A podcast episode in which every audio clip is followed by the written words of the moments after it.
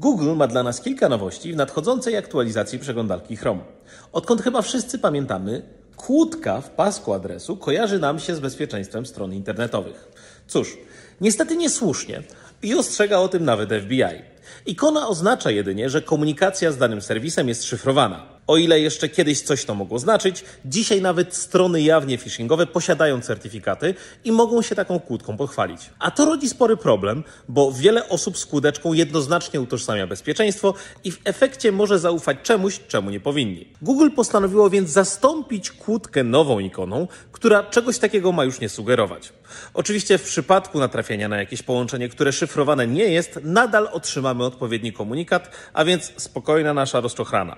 Aktualizacja powinna trafić do wszystkich użytkowników w okolicach września tego roku, więc macie czas pożegnać kłódeczkę ze wszystkimi należnymi jej honorami. Czy to waszym zdaniem dobre posunięcie? Dajcie znać.